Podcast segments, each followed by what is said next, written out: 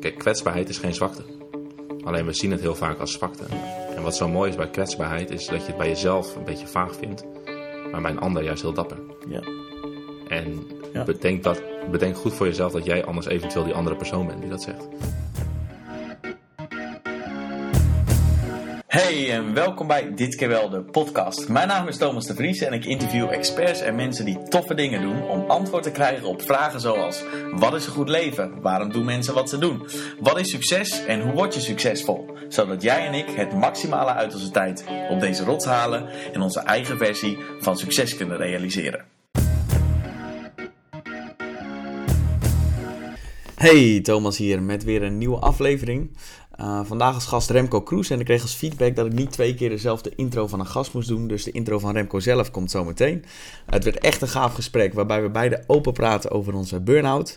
Hoe het begon, wanneer we beseften dat er iets mis was en vooral ook de manieren waarop we het beide overheen kwamen. Met praktische tips, ook als je zelf nooit een burn-out hebt gehad, maar wel eens stress hebt. Daarnaast hebben we het ook over hoe je prioriteiten kunt stellen. Natuurlijk hebben we het over boeken, um, over mediteren en nog veel meer.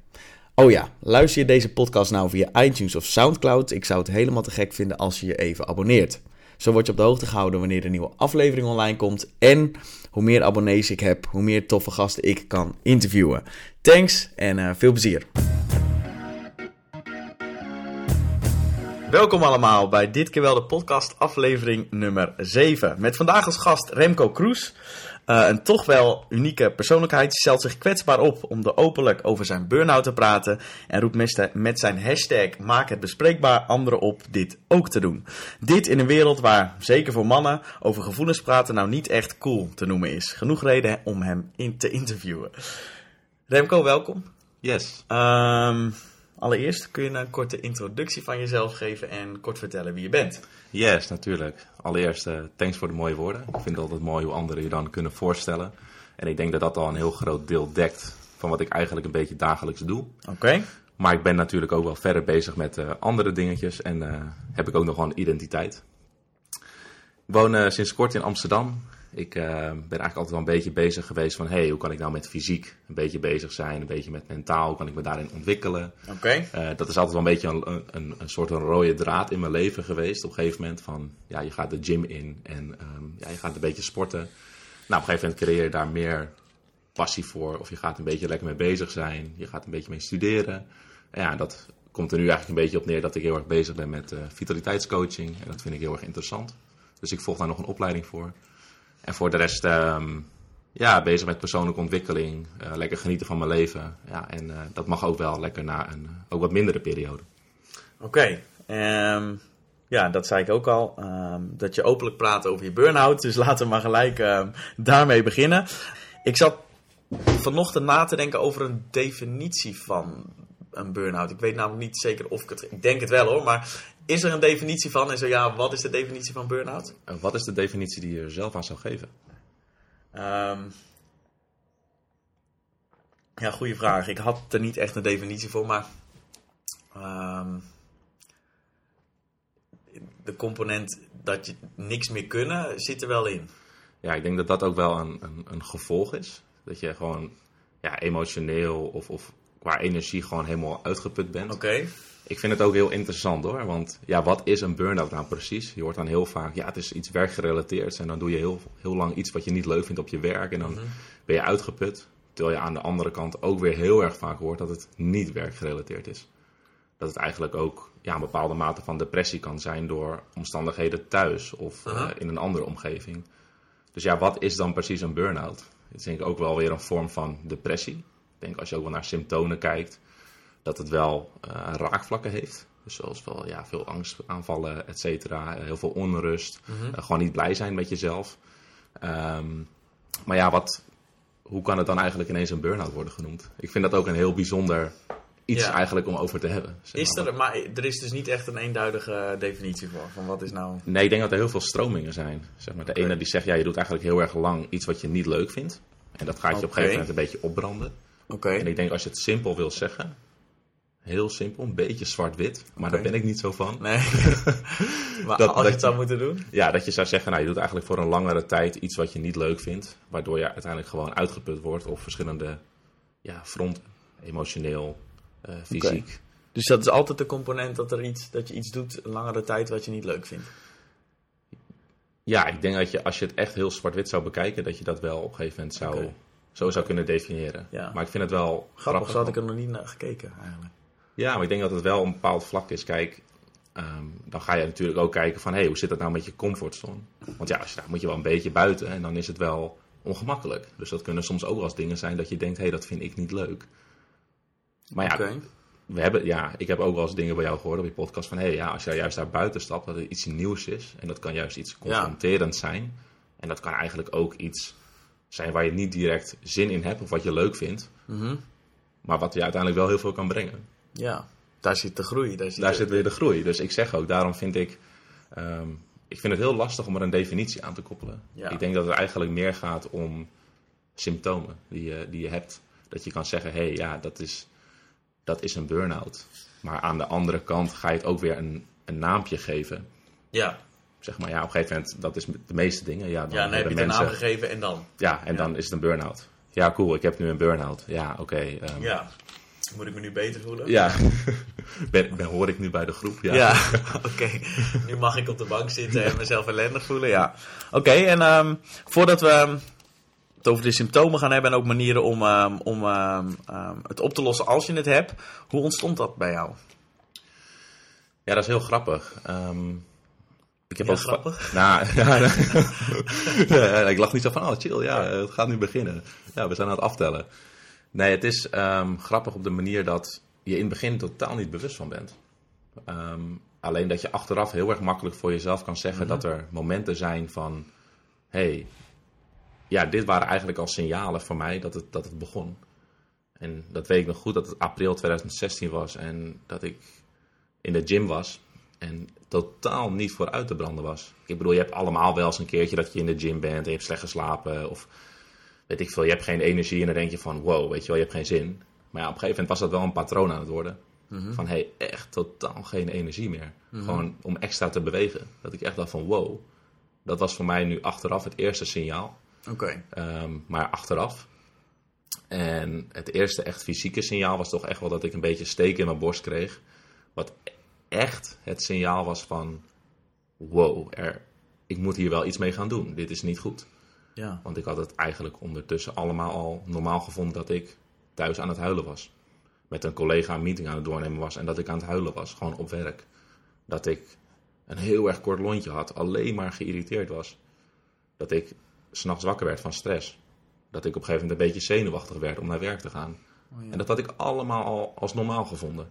Maar dat op een Dus gegeven dat speelde allemaal al. En pas toen je pijn in je borst kreeg, toen dacht je van oké, nu krijgt het ook een fysieke manifestatie. Nu is er echt wat aan de, nu is er echt wat aan de hand. Ja, precies. En ehm, het, het, punt wat eigenlijk ehm, daaraan zo vreemd is, is dat je dan pas gaat handelen als je echt iets heel erg tastbaars hebt of iets concreets. Ehm, we waren net al even aan het babbelen hiervoor en toen hadden we het ook al over van, hey, ja, als je, naar, als je knie, als je last hebt van je knie, dan ga je naar de fysio. Maar ja, als je even mentaal even iets minders hebt, ja, dan lijkt het dan minder tastbaar en dan kan je ook minder handelen. Dat het eigenlijk een onderdeel is van, hé, hey, ja, wanneer grijp je dan in? Hoe komt dat? Ja, dat is zo vreemd. Ehm, heeft het dan te maken met een stukje, een stukje, een stukje ego ook? Dat je denkt van, hé, hey, ehm, ja, ik, ik, ik ben een Remco. Ik, ehm, ik, ik werkte daar al een tijdje. Ehm, ik ben een man. Moet stoer zijn. Ik bedoel, ik ga niet zomaar eventjes eh, Ja. ja. me toegeven dat ik naar een eh, psycholoog ga. Nee, precies. Ja. Dus ik denk dat dat ook een, een, een dingetje is wat ermee te maken heeft. Dat dat ja, allemaal wel meespeelt van hé, hey, je gaat het niet toegeven. Dat dat een innerlijke strijd gaat worden. Maar op een gegeven moment moet je gewoon concluderen of gaan, gebeuren er gewoon dingen dat je, ja, dat je niet verder gaat of niet verder kan. En die pijn in je borst was het moment dat. ehm, Ja, dat was voor mij wel het eerste fysieke. En toen dacht ik echt, wow, nu, nu moet ik er wel iets mee gaan doen.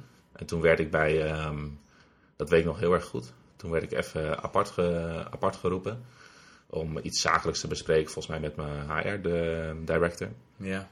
En ze vroeg wat en ik, ik gaf antwoord en ik wilde weglopen. En ik draai me om en ik barstte helemaal, ik ging helemaal kapot. Ik ging echt helemaal kapot. En ik zei, ik weet niet wat er aan de hand is en het gaat niet goed met me. En ik kan niet goed slapen en ik ben alleen maar zenuwachtig en ik kan me niet concentreren. Nou, ik denk als je googelt van burn-out symptomen... ehm, Dan heb je zo'n lijst Heb van je alle lijst die jij had. En je kon alles zo afvinken, zeg Ja. maar. En het Ja. grappige was dat ik dat al een keertje eerder had gedaan. Maar daar niet aan toe had gegeven. Dat ik toch wel eens dacht van, hé, hey, wat is er aan de hand? En dan ga je eigenlijk even op Google zoeken. En ik lach nu, maar eigenlijk is het helemaal niet grappig. Nee. Maar het is eigenlijk gewoon, ja, grappig dat je, dat je op dat moment daar gewoon niet zo bewust van bent. En dat vind ik heel erg interessant. Van ja, wat, wat, wa- waarom is dat zo? Wa- waarom, waarom ga je dat pas later bespreekbaar maken? Omdat je echt wel weet dat het niet normaal is dat je op, op, op werk aan het huilen bent. Ja, dat of is inderdaad... Oké, maar dan, je noemde net ego. Mhm. Misschien ook maatschappelijk gezien dat het niet cool is om, eh, om te huilen en over gevoelens te praten. Precies. Ik denk ook dat dat ehm, het stukje cultuur ook. Van hey, In welke ehm, zin? Nou, ik denk dat je dan, eh, had ik zelf altijd dat je op werk een bepaalde, ja, ik gaf mezelf wel een bepaalde status. Misschien heeft dat ook wel dus wel weer met ego te maken, maar een stukje cultuur dat ik dacht van, hé, hey, ehm, ja, op werk dan werk je, weet je wel, dan, dan doe je gewoon je ding. En ehm, ik ben daarin altijd wel een open boek. Maar op een gegeven moment, ik had wel een bepaalde identificatie met werk, ook dat ik dacht van, wow, weet je wel, hier moet ik wel gewoon echt even, ja, hier moet ik knallen, hier moet ik mijn ding doen. Hier eh, werk ik al een tijdje. Ik was Ja. een van de eerste. Dat je daarin op een gegeven moment wel een beetje met een, Ja. ja. een soort van strijd terechtkomt. Ja, en cultuur is ook wel dat je een, een eh, publieke persoonlijkheid hebt en een beetje privé persoonlijkheid. En het wordt alleen maar sterker gemaakt door social media, waar iedereen zich mooi voordoet dan dat ze ja, ja, ja. Oké, dus moeite om toe te geven dat privé problemen waren en publiek deden alsof er niks aan de hand was. Precies. Ik ben heel nieuwsgierig, wat toen je op een gegeven moment ehm, accepteerde dat er iets mis was? Wat deed die acceptatie toen je dacht van oké, nu is er echt wat aan de hand. Wat gebeurde er toen? Was dat een opluchting? Of... Nou, het was vooral falen. En dat, en Oké. Dat was gewoon vooral dat ik... Ik moest, ik moest concluderen voor mezelf dat het, dat het niet meer ging. En ik voelde me echt een ontzettende ja, beunaas. eh, Dat zeg ik dan wel eens. Ja. En ik dacht echt van, jeetje Rem, ehm, waar, ja, waarom, waar, ja, hoe komt dit nou precies? En, en ja, je bent gewoon een loser, want je hebt het niet kunnen volhouden. Ehm, het was eigenlijk dat ik me pas beter ging voelen, dat ik zelf het stempeltje kreeg van iemand van, jij gaat nu kappen met werken, want het gaat helemaal nergens over. En dat was ook iemand die dat signaleerde ehm, eh, bij mijn werkgever van, ja, dit, jij gaat nu gewoon naar huis, want ehm, die zag ook waarschijnlijk wel aan me dat ik weer twee uur had geslapen en vol met stress zat en eh, met tranen in mijn ogen rondliep. Ja. Dat het ook een moment was van, ga maar naar huis, ga maar eventjes aan jezelf werken. Ja. En dat was het eerste moment dat ik het ergens kon accepteren van, inderdaad, iemand anders heeft het nu tegen mij gezegd. Dus je, krijgt een soort, Dat had ik ook. je krijgt een soort stempeltje, maar als je dat dan voor jezelf weer zo gaat, be- ja, als je het weer voor jezelf gaat bepalen, dan kom je daar weer niet toe. Ja, Dat was zo ja. raar. Ik had het ook hoor, dat- toen het, toen het wat, wat minder met me ging. Ik zal er zo nog wel eh, over ehm, ehm, uitweiden. Maar dat ik op een gegeven moment mezelf boos op mezelf werd. Of mezelf ging straffen van... Jezus gast, waar maak je je druk om? Doe eens normaal. Je, je- weet je wel, je bent een vrolijke gast. Je hebt alles mee. Waar, waar maak je je druk om? Doe eens even normaal joh. Je bent een gestoere vent. eh, wat, en dan ga je zelf straffen. En ik had ook op een gegeven moment... Ik weet nog heel goed het moment dat ik... Zat ik twee uur naar mijn computerscherm te kijken... En na twee uur had ik niks gedaan. Ik had dus ik, letterlijk de tijd twee uur verder en ik had niks geschreven, niks gelezen, niks gedaan. Toen dacht ik, holy fuck, dit is wel echt menens. En ik weet ook nog, toen belde ik m- mijn pa op. Die heeft daar in het verleden ook al eens mee te maken gehad. Misschien wel een thema. Ehm, en die zei, ja Thomas, volgens mij moet jij ehm, even twee weken niks doen en hierheen komen. Want ehm, dit is niet helemaal goed. En inderdaad, toen iemand anders tegen mij zei, dacht ik...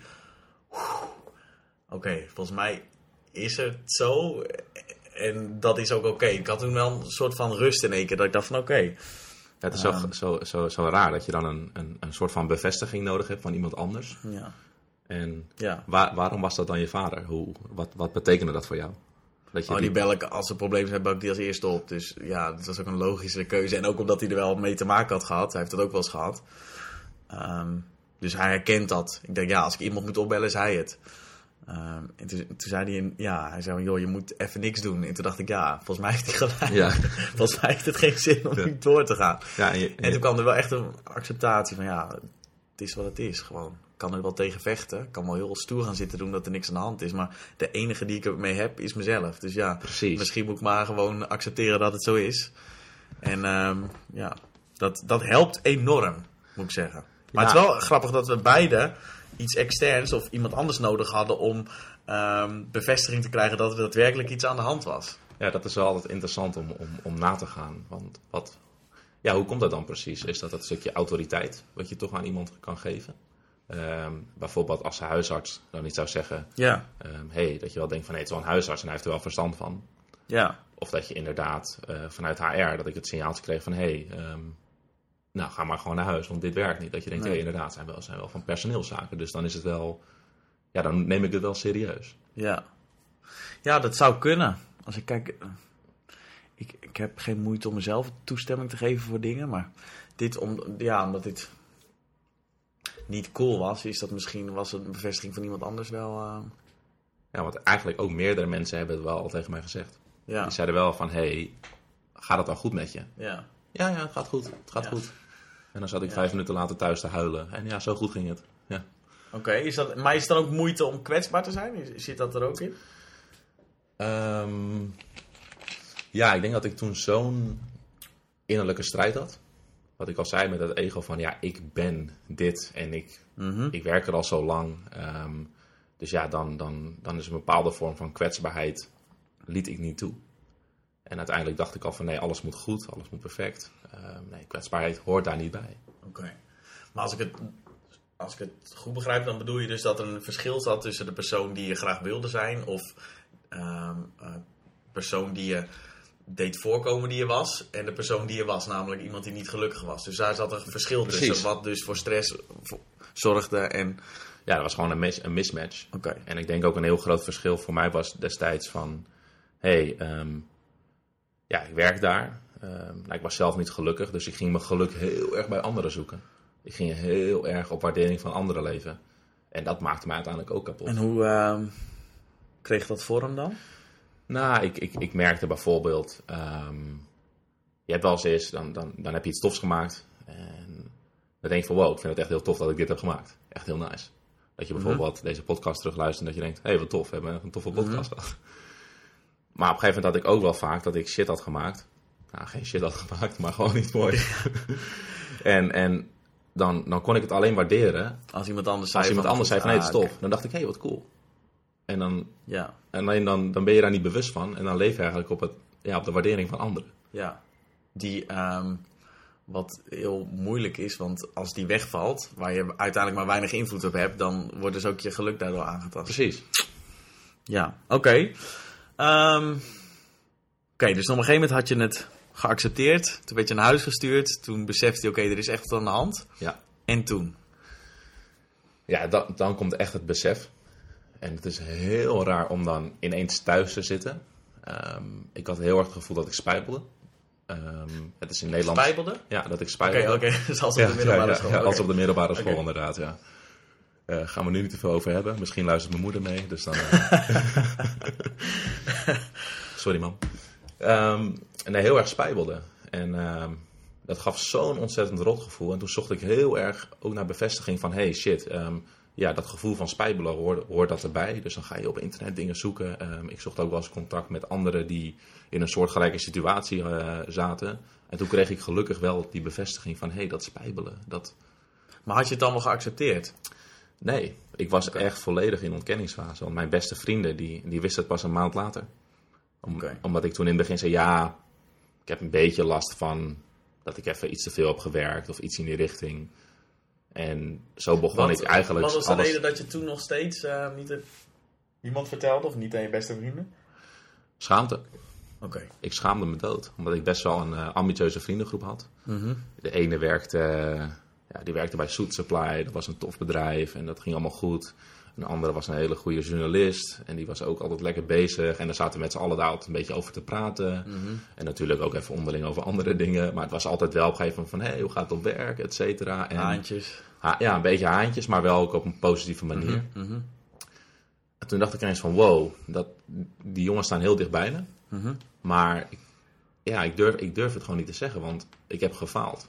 Ik, ik, ik ben niet succesvol. Wat gebeurde er toen je het wel vertelde? Ontzettende opluchting. En dat was toen voor mij ook zo van wow.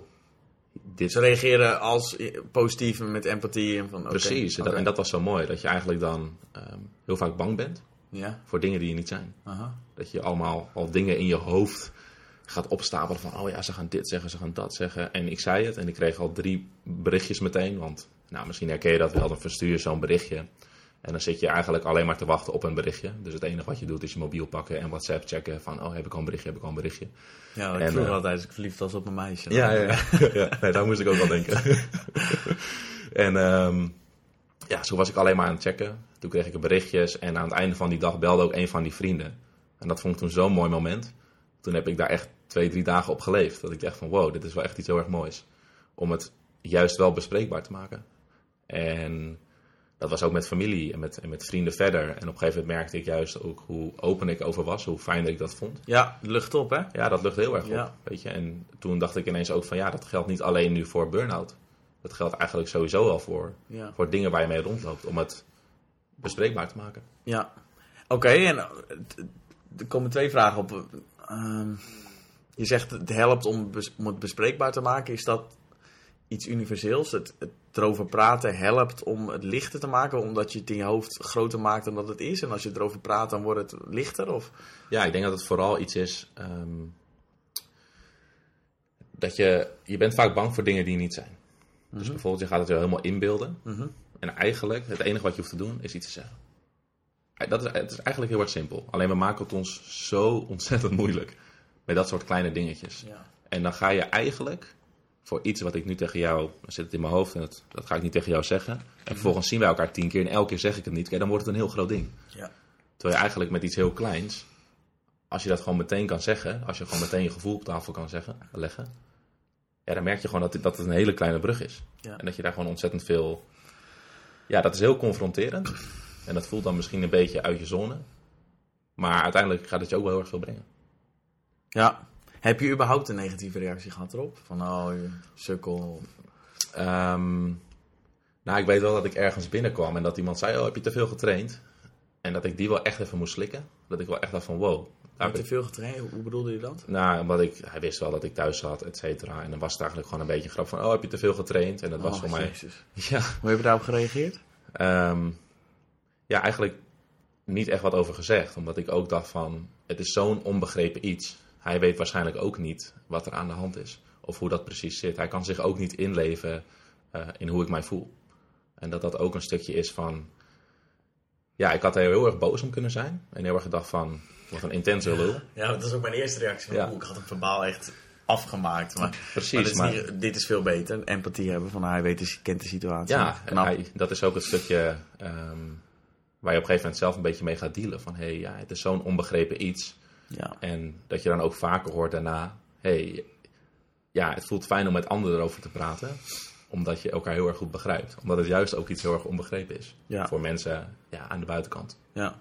Heb je het boek eh, De Kracht van Kwetsbaarheid gelezen? Heel grappig dat je het zegt. Ik heb hem, voor mijn burn-out heb ik die een beetje doorgebladerd. Ja. En ik heb hem toevallig dit weekend, ehm, had ik hem eh, weer even geleend van een vriend. Toen heb ik ook weer even een beetje doorheen gebladerd. Ehm, stukken gelezen, Mhm. niet helemaal. Maar ik, het, is wel mijn, mijn, het is wel mijn plan in ieder geval om uh, Ik zou dat echt doen. En ook voor iedereen die luistert, ook de meeste alfa mannelijke types die, die allemaal denken van waar hebben die gasten het over? Echt een geweldig boek ehm, ehm, om te lezen. Zeker in de context van, van dit gesprek. En ook je kwetsbaarheid tonen en je gevoelens uitspreken. En alle goede dingen die dat brengt. Echt een geweldig boek. Precies, en ik denk dat ehm, aansluitend De Moed van Imperfectie. Die is ook van Brené Brown. Ja. Is ook een heel mooi boek. Ja. En het mooie vind ik dat zij niet zomaar dingen brabbelt. Maar dat zij ook wel volgens mij wel weet waar ze het over heeft. Omdat Ja. ze ja, wel aardige... in Zo de lijkt het wel, hè, Ja. als eh, je boek leest. Ja. Maar ik, ik vroeg ook aan je van, heb je überhaupt een negatieve reactie gehad? En dat is vaak ook de angst van, oeh, dan ben je een loser. Of, en dat gebeurt nooit. Ik, Bij mij ook. Als ik de- dat uitspreek, dan niemand ooit, überhaupt niet. Als ik gewoon me, een, me kwetsbaar opstel of, of iets uitspreek waar ik me aan irriteer of wat dan ook, of in ieder geval mijn burn-out. Niemand reageerde van, gast, je bent echt een sukkel. Iedereen zei van, oh, wat eh, tof dat je erover praat. Of hoe kan ik je helpen? Of, het is, nou, dat gebeurt niet, gewoon, Nee, negatieve feedback. Gebeurt niet. Nee, precies. Maar ik ben ook heel benieuwd. We hebben het nu vooral over mijn ervaring gehad. Ja. Maar wat waren voor jou dan echt momenten dat je dacht van... hey, shit, er moet nu iets gebeuren? Want bij mij persoonlijk was het niet één klap. Dat ik dacht van, wow, oké, nu heb ik iets. Het is al een aanloopperiode geweest. Ja, Hoe, is- hoe is dat bij jou? Hoe heb ja dat ervaren? een korte introductie. Ik ben, nou ja, anderhalf jaar geleden een bedrijfje begonnen. En ik vertelde net ook aan het gesprek. Ik kwam universitair afgestudeerd, een beetje een egootje. En ik ging het wel even maken. En Ja, ik wilde ja. het allemaal snel, weinig geduld. En dat ging toen allemaal een stuk langzamer dan dat ik gedacht had. En wat oké is nu. Alleen dat maakte me gestrest, ongeduldig. ehm, egoïstisch ook wel. Steeds meer zelf, nou, in mezelf gekeerd. Ehm, nou ja, maar, ik dacht, ik ga gewoon nog harder werken. Dat, is, dat was mijn, nou ja, de enige versnelling die ik had. Ik ging nog harder werken en ehm, daarmee verwaarloosde ik ook mijn omgeving. Op een gegeven moment ging het om verschillende redenen uit met mijn, relatie. Ehm, dacht ik, ga nog harder werken. Ik stop gewoon mijn emoties weg en ik ga gewoon nog harder werken. Ja, je denkt dat dat een goede oplossing dan is. ja, gewoon wegstoppen. Maakt allemaal niet uit. Komt allemaal goed. En lekker rationaliseren aan jezelf. Van, oh ja, het is oké. Ehm, en toen op een gegeven moment, ja, ik werd al... Mijn omgeving merkte het ook licht ontvlambaar, gestrest. Ehm, eh, niet echt een leuke... Ik ben een vrolijk ventje, maar dat was ik toen niet.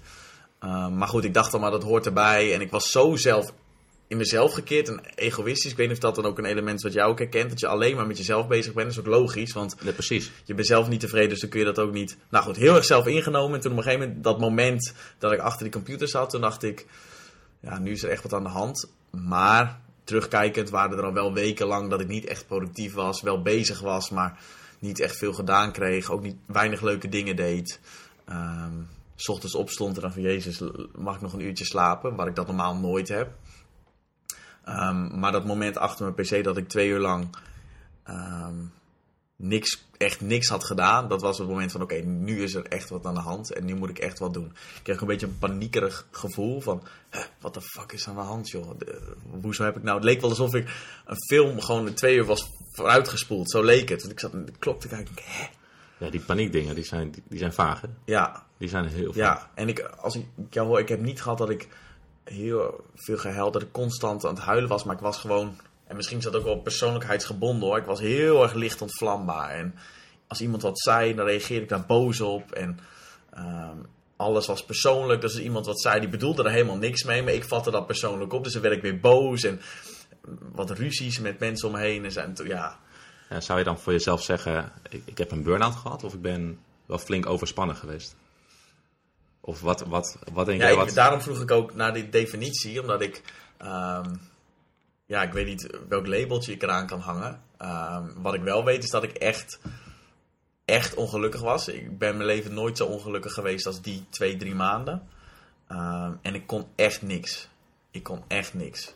Dus ik weet niet wat dat dan is. Ik weet ook niet of het nodig is om er een label eh, over te praten. Ik weet wel dat ik heel erg last van had en dat ik ehm, graag een podcast zou hebben waar twee gasten zouden praten over hoe je dat kunt voorkomen en wat je kunt doen om, eh, om het te verhelpen of überhaupt ehm, te voorkomen dat het gebeurt. Ehm, wat denk jij dat het voor mij was? Ehm, ja, ik, ik, ik vroeg het bewust, omdat ik dacht, hé, hey, ja, hoe, hoe zie je het zelf? Ik denk dat het met net iemands eigen ervaring is. Ik zou niet zo snel een labeltje plakken van, hé, hey, ik heb een burn-out of ik ben overspannen geweest. Ehm, als je kijkt naar mijn eigen proces, ehm, ben ik er relatief snel van opgeknapt. Wat is snel? Nou, ik heb volgens mij 3,5 maand tot 4 maanden echt thuis gezeten, dus niet gewerkt. Oké. En toen ben ik alweer gestart met reïntegreren. Oké. En toen was, ik halverwege, nee, toen was ik halverwege juli volgens mij wel weer mentaal gezond. Oftewel dat je wel weer 40 uur kan werken. En nou, dat vond ik dan relatief snel. Want ik hoorde ook wel ver- verhalen van een jaar of, of anderhalf jaar. Of soms al twee jaar. Ja. Dat ik echt dacht van wow, weet je wel. ehm, Ben je van jezelf een optimistisch persoon? af en toe. af en toe. Op dat moment was ik niet optimistisch. Nee, maar, maar oké, dat is natuurlijk Nee, dat is logisch, logisch. dat is logisch. Maar als je kijkt overall, is het glas eh, half vol of half leeg? Ja, het is wel half. Ja. Denk je dat het voor mensen die sowieso een beetje wat meer optimistische kijk op het leven hebben, dat het voor die mensen makkelijker is om te herstellen? Ehm, poeh, moeilijke vraag. Ik denk het wel. En ik denk ook omdat optimistische mensen altijd wel meer denken in kansen. En dat ze ook wel goed kunnen kijken van, hé, hey, wat kan ik eraan doen om iets te verhelpen? Ja, Maar vind ik het wel in de bepaalde context van, ja, als jij gewoon helemaal naar de kloten bent, weet ik niet of dat dan een eigenschap is waar je dan eventjes over nadenkt, zeg maar. Omdat je gewoon moet uitrusten en ja, aan jezelf moet werken, om het heel even simpel te zeggen. ja. En dat is precies waar we het nu over moeten gaan hebben. Want eh, Yes, ja, het ontstaan is eh, allemaal eh, het belangrijke, maar het oplossen is veel belangrijker. Ehm, ja, wat heb je gedaan om, om te herstellen, om op te lossen? Ja, ik denk misschien het, het, het beste wat ik heb gedaan, ehm, dat is het gewoon bespreekbaar maken. En dat komt ook omdat, ja, als je het juist bespreekbaar maakt, dan, dan, dan weet je van, hé, hey, oké, ik, ik ben me bewust dat er iets moet veranderen. Dus ik denk ook die bewustwording daarin, en dan volgens daar actie aan koppelen, dat dat de allerbeste stap was. En is bewust worden, krijg je dat door eh, ehm, het te bespreken? Ehm, nou, voor mij was het wel ehm, het bespreekbaar maken dat iemand anders uiteindelijk heeft gezegd van... hé, hey, je gaat niet werken. Je gaat niet meer werken. Ehm, het stukje bewustwording was dat ik wel bij de psycholoog zat. Ehm, ongeveer... Één- dus je hebt ook professionele hulp gezocht? Ja, ja, daar wilde ik nu naartoe. Van, ehm, op een gegeven moment hebben we een periode gehad dat ik al merkte dat het niet zo goed ging. Toen heb ik een eh, afspraak gemaakt bij de POH. Dat is de praktijk ondersteunend huisarts. Oké. En daar kan je volgens mij, als ik het goed zeg, altijd gratis terecht. Dat je gewoon eventjes kan vragen van, hé, hey, gaat even wat minder. Dus ik ben eerst naar de huisarts gegaan. Die heeft gezegd, hey, ehm, maak hier eens een afspraak. En Deed dan- je, eh, ging je naar de huisarts omdat de stap direct naar de psycholoog te groot was? Of, of omdat mensen je aanraden om eerst naar de huisarts te gaan? Nou, dat was een eerder eh, stadium eh, voordat ik de definitieve klap kreeg, om het maar zo te zeggen. Was het ook al volgens mij twee, drie weken ervoor dat ik dus al huilend binnenkwam bij mijn HR-director van, ja, het gaat allemaal niet meer. Dat zeiden van, nou, ik zal gewoon even een afspraak maken, laten we dat als eerste doen. En toen kreeg ik al die doorverwijzing naar die POH ehm, als eerste stap. En ehm, nou, vervolgens eigenlijk, toen ik die afspraak had, toen zat ik al thuis. Dus ehm, eigenlijk was dat een beetje een logisch gevolg. Ja, oké. Oké, dus toen naar die daarheen geweest. Precies. Toen ben ik eh, ja, psycholoog. Ja, en die geef je eigenlijk ja, de eerste handvatten. Kijk, je bent natuurlijk, eh, nou, wat je net al zei, alles moet snel en je wil, je, wil, je wil meteen weer aan de slag. Maar ook omdat je eigenlijk gewoon niet beseft van, hé, je bent eigenlijk gewoon ziek. En dat is dan soms even dat besef, dat komt echt wel keihard even binnen. Van, ja, je zit gewoon ziek thuis. Het is niet zo dat je op vakantie bent. Je zit gewoon echt, echt ziek thuis, thuis. met, ja, je moet echt aan jezelf werken. Ja. Maar eh, dat komt wel bij mij. oh, Jij zegt het kwam hard aan. Voor mij was het wel een soort van. Het is wat het is. Ik kreeg wel heel veel rust ook. En een soort van. Het ging ook wel. Ik weet, nou, ja, er ging ook een soort van iets open. Ik denk, ja, dit, dit- het is nou helemaal zo. Ja, maar Ik kan dat, er ook weinig aan veranderen op dit precies, ja, moment. in, het, in het begin had ik dat totaal niet. Toen was het alleen maar falen, eh, niet, ja, een beetje, beetje eh, niet toegeven ehm, naar de psycholoog. Ja, wat het mooie was van de psycholoog, dat was ehm, ook wel een stukje bewustwording van... hé, hey, dit, dit lucht wel heel erg op om er gewoon met iemand over Mhm. te babbelen. Mhm. En in het begin is het natuurlijk vet awkward. Ik bedoel, je zit daar oh, en dan moet je ineens... eh, ja, ja, dan moet je gaan vertellen wat er is gebeurd. En toen zat ik daar en toen dacht ik in het begin van... Zo, ik voel me echt een loser dat ik hier zit. Maar ik ging weg en ik voelde me echt een intense baas. En Hoezo ging je weg en voelde je een baas? omdat het gewoon heel erg opluchtte. Ja, het was gewoon- gewoon, het bespreekbaar maken van... Nou, je kijkt er best wel Mhm. Ehm, je vindt het misschien spannend. Ehm, het is ook de- de- ja, het woord psycholoog. Dat je al denkt van... Oké, ik ga daarheen en ik ben gek. Maar ja, dat is natuurlijk gewoon complete bullshit. Ja. Het is eigenlijk gewoon iemand die jou professioneel kan helpen. Ja, die daar gewoon eh, ja, ervaring in heeft en er goed voor gestudeerd heeft. Ja. En dat is eigenlijk iets heel erg moois. Ja, zeker. En Zou je het iedereen aanraden? Ehm, nou, ik denk niet dat iedereen nu ineens massaal naar de psycholoog moet van... hé, hey, ja, eh, laten Nee, maar mensen die eh, zich herkennen in de symptomen die, eh, die wij bespreken. Zeker. Oké. Ja, 100 procent. En ehm, volgens mij haalde hem net ook al aan. Kijk, als je ergens een pijntje hebt of je hebt ergens last van, dan ga je heel snel naar de fysio. Maar heel veel mensen gaan niet naar de psycholoog of naar de POH. Want de POH is gewoon de praktijkondersteunend huisarts. Dat is gewoon prima via een doorverwijzing. En dat is gewoon eigenlijk al een hele Laagdrempelig. ja, een laagdrempelige stap. Dat je gewoon eventjes lekker een, een, een, een, een gesprek aan kan gaan. Zonder dat je misschien ineens hebt zoiets van... wow, ik ga naar een psycholoog en ik ga een heel traject aan. Ja. Nee. Ja. En met alle respect voor ons allemaal, als we luisteren naar iemand, dan wat we heel vaak doen is onze mening geven en niet gewoon zeggen van oh wat vervelend, maar onze eigen ideeën eh, poneren op de ander. En zo'n psycholoog die luistert gewoon, die reflecteert en heeft er ook nog eens fucking lang voor gestudeerd en weet Ja. precies wat. Dus ja, als Ja, maar het, het- klinkt op zich logisch. Het is ook zo mooi wat je zegt. Eigenlijk, je zit daar en, en, en jij bent eigenlijk alleen maar aan het woord bij. Ja, ze geven het alleen maar terug, of niet? Ja, dat hoor ik ook alleen maar vaak. vragen. Je krijgt een Ja. vraag, je krijgt een vraag. En, en ja, het voelt allemaal heel erg natuurlijk. En op een gegeven moment denk je, hey, anderhalf uur is voorbij. Ja, shit, ik heb- wel, ja. ja. Hey, shit, ik heb eigenlijk alleen maar zitten praten. Nee, maar vooral wat ik nog fijn, dat wilde ik nog aan toevoegen. Ehm, het waren gelijk wel wat praktische handvatten die ik meekreeg. En dat vond ik heel erg fijn van... Ja, ik zat in het begin van twee weken, of, of eh, die eerste week, alleen maar op de bank. Je lag alleen maar op de bank en ik vond dat... Ja, dan voel je je eigenlijk heel erg, ja, heel erg kut. En wat zijn, wat zijn die praktische handvatten? Ehm, ga naar buiten. Ehm, gewoon, ja, ik denk ook meer Lopen bewegen. of Ga met lopen, mensen? Wandelen. Gewoon lekker alleen, neem wat tijd voor jezelf. Waarom werkt dat, denk je? Mm, ja, ik denk dat beweging goed is voor ontzettend veel dingen.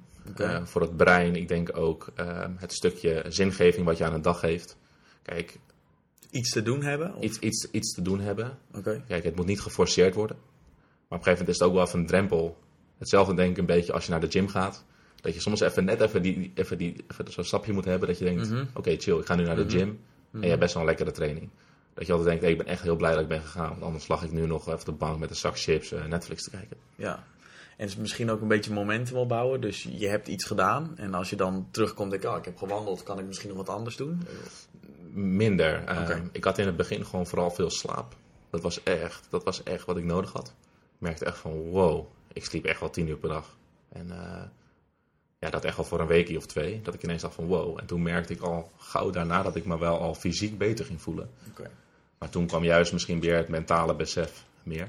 En daar kreeg ik ook nog een praktisch handvat van mee. En dat was, ehm, hoe ga je nou precies om met piekeren? Want dat was op een gegeven moment een dingetje dat ik heel veel ging piekeren van shit. En wat moet ik nu doen? En hoe gaat dit precies? En eh, hoe gaan we hier nou mee om?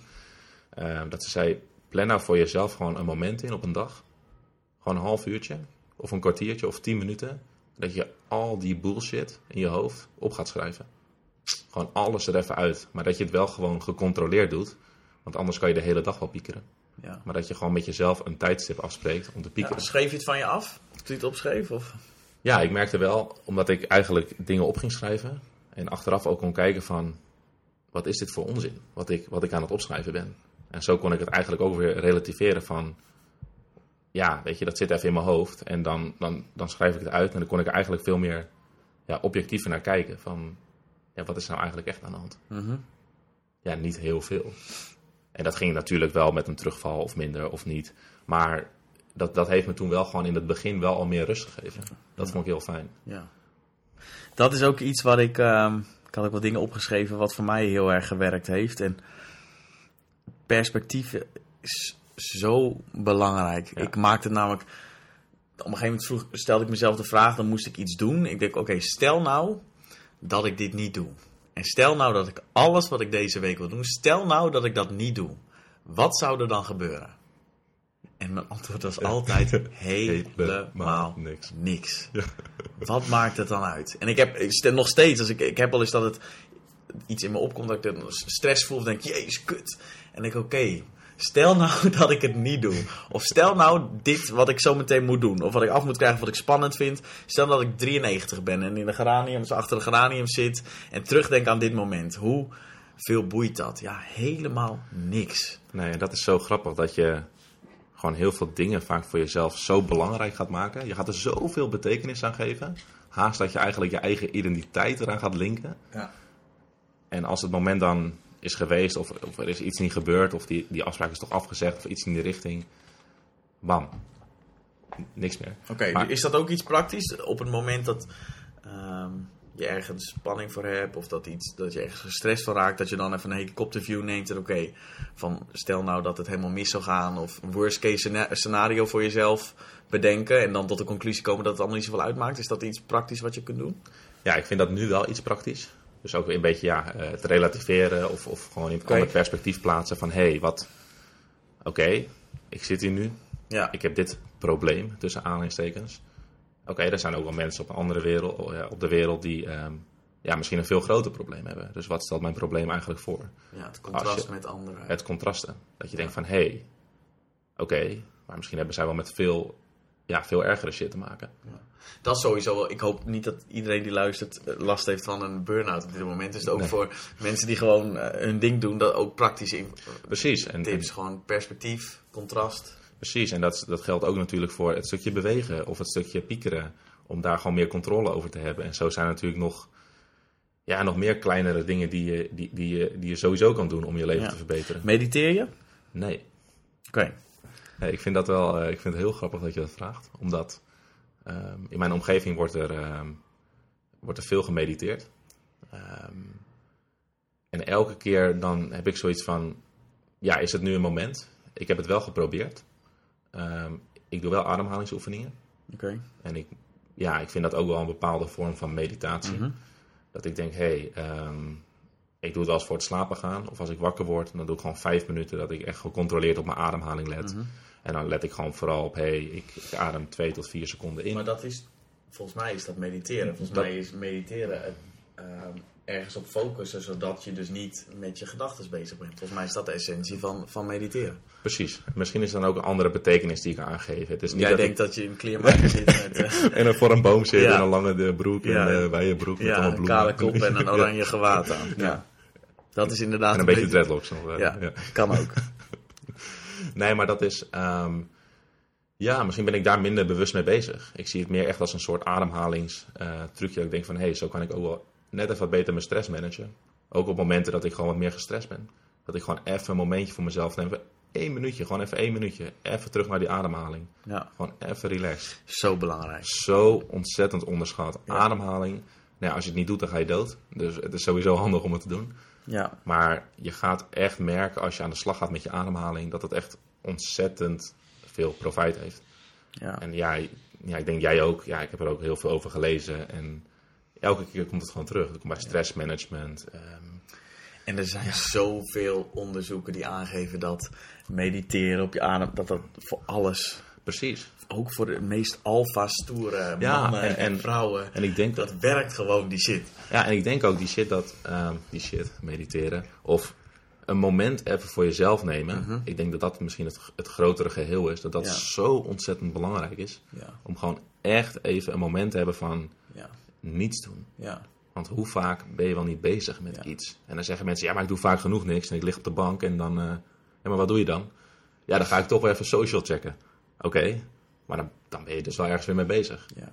Wanneer ben je nou echt even een bewust moment Ja. met jezelf bezig? Ja. Ja, vrijwel nooit. Ja. En je lichaam heeft het ook. Ik doe iedere dag mijn HRV meten, mijn hartslagvariant. Oh ja. is de maat waarmee je stress kunt meten.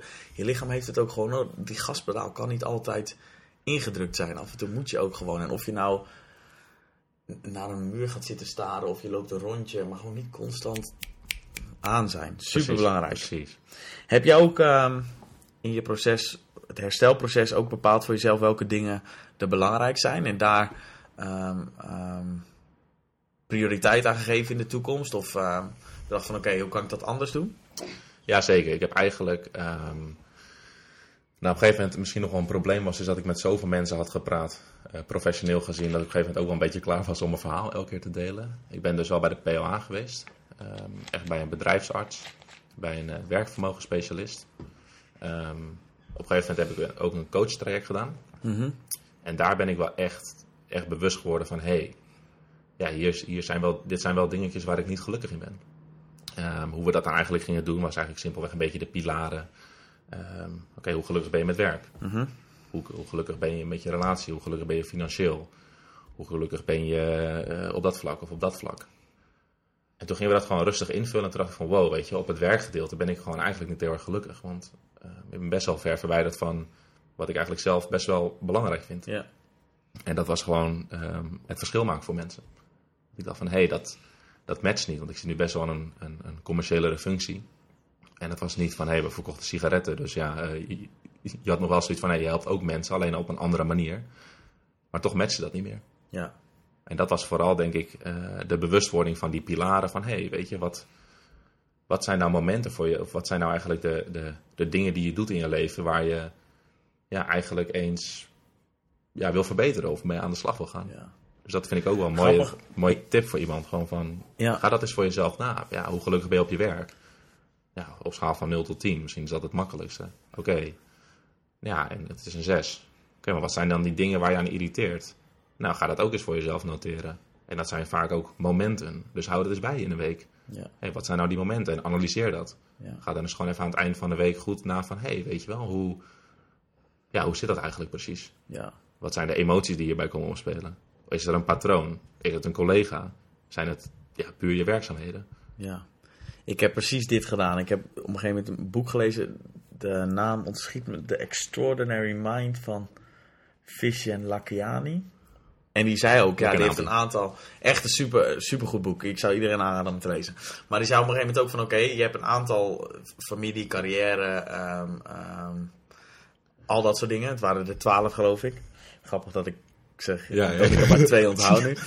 ja, het zal wel microfoon zijn die voor mijn neus staat. Uh, okay. um, maar die zei ook van, oké, okay, wat is je ideaal? Waar zou je naartoe willen? En toen dacht ik op een gegeven moment, jezus, er zijn zoveel vlakken waar ik, was alleen maar met mijn carrière bezig en de rest liet ik allemaal verslonden. En toen las ik een artikel um, over de tijd die je nog hebt met mensen als je ze een x aantal keer per week of per maand ziet. En er stond gewoon een, volgens mij als je iemand twee keer, drie keer per jaar ziet, dan zie je ze nog, als je 30 plus bent, dan zie je ze nog, weet ik veel, 70 keer of zo. En dan is het klaar. Toen dacht ik, joh, dat is echt dat was zo'n slap in mijn face. Dat, ja, ik wil veel meer gewoon ook met familie en vrienden dingen doen. En die prioriteit bepalen hielp mij ook wel heel erg om mijn week in te delen. En, en te kijken van oké, okay, wat vind ik nou belangrijk en waar wil ik mijn tijd aan besteden. En hoe heb je daar dan actie aan gegeven?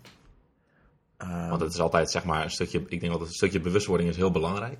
En dan denk je altijd van ja, inderdaad, dat ga ik doen. Alleen het probleem is als je dan niks gaat doen, ja, dan blijft het zeg maar inderdaad bij die bewustwording. En dan Goeie ga je vraag, op een ja. gegeven moment weer tegen hetzelfde aanlopen natuurlijk. Ja, ik heb gewoon dat, ik plan dat gewoon in. Ik weet namelijk, als ik het niet doe, ik, ik ken mezelf, ja, dan gebeurt het niet. Dus ik plan dat gewoon in. Ik bel dagelijks met de mensen die, nou ja, die ik belangrijk vind.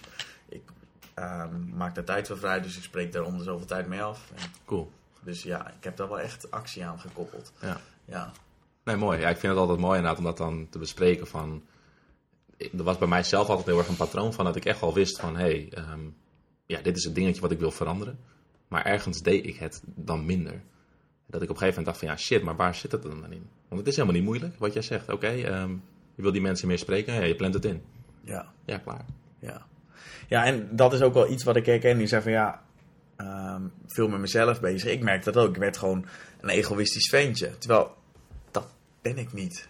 Ik ben niet een ego. Maar omdat je dan zo met jezelf bezig bent. Dus dat is wel iets wat ik nu bewust doe. Van hé, hey, interesse in anderen tonen. En soms is dat gewoon dat mijn agenda of mijn wekker afgaat. Van ja, je moet even mensen bellen. Ja, als ik, als ik het niet doe, dan doe ik het niet. Dus ik ken mezelf. Ik heb een systeem bedacht om dat wel te doen. Ja, als het via een wekker moet, dan is dat oké. Volgens mij maakt dat de in- niet Nee. minder waardevol. Of niet Nee, maar dat is ook zo. net de manier zeg maar, die fijn voor jou werkt. Kijk, als jij weet, hey, ik vind dat belangrijk, maar ik ben wel een enorme chaot of iets in die richting. Ja, Ja. shit, dan moet ik voor mezelf een manier vinden dat Ja. ik wel eigenlijk de dingen doe die dichtbij me staan. Die ik heel erg lief heb en dus Ja. wel gewoon wil doen. Exact. Ik vind het grappig dat je ook nog, ehm, dat zeg ik trouwens vaak, hè, vind ik grappig. Maar goed, dat maakt niet uit. Nou, is iets grappig. Dat is toch mooi? Ja, dat vind ik altijd Ja. grappig. Ja. Maar ik zeg eigenlijk zijn dat soms ook grappige dingen die niet grappig zijn. Nu wordt het wel heel filosofisch. Ja. Maar maar ehm, ja, dat stukje egoïsme. En dat komt ook gewoon. ehm, ik denk, wat ik bij mezelf gewoon voornamelijk had, is dat je gewoon heel erg veel met jezelf bezig bent. Omdat dat gewoon allemaal niet even op orde is. Mhm. Dat je dan ook wel zeker egoïstischer wordt. Ik merkte dan ook dat ik dan heel veel ehm, er wel over wilde praten en, en mijn dingen kwijt wilde. Alleen dat ik ook veel minder geïnteresseerd was in anderen. Dat ik dacht van, hé, hey, Ja, dat, Dat herken ik ook wel. Dat is, maar daar word je later pas bewust van. Ja. Dat ik nu bijvoorbeeld van, wow, weet je wel, ik was toen zo op mezelf, van ik wilde mijn shit delen. En uiteindelijk dacht ik ook wel van, wow, maar zij hebben ook wel gewoon dingen te vertellen. Ik ben best wel egoïstisch. Hey, daar ga ik ook verandering in brengen. Ja. Ja, en ik doe nu een beetje hetzelfde. Kijk, ik bel dan niet mensen. Ehm, ze noemen me ook wel eens een rem-voice, omdat ik altijd voiceberichten stuur. Oké. Ja, dat vind ik fantastisch. Echt, ik vind voiceberichten echt fantastisch via WhatsApp. Omdat het gewoon zoveel persoonlijker is dan even een tekstberichtje. Je hoort een stem erbij. En dan is het gewoon zo van, yo, hoe is het? Eh, ik dacht, ik check even bij je in. Ja, dat vind ik echt fantastisch. Ja. Vooral ook om er dan eentje terug te krijgen. Daar krijg ik heel veel energie van. In plaats van ja, een tekstberichtje. Maar is het, is het, ik heb er wel eens, is het echt persoonlijker of is het gewoon, ik hoor ook wel zo, ja, als je een, iemand een brief stuurt, dat is echt persoonlijk. Ik denk, ja, het gaat toch om de boodschap, niet om het medium waarmee het gebeurt. Ja.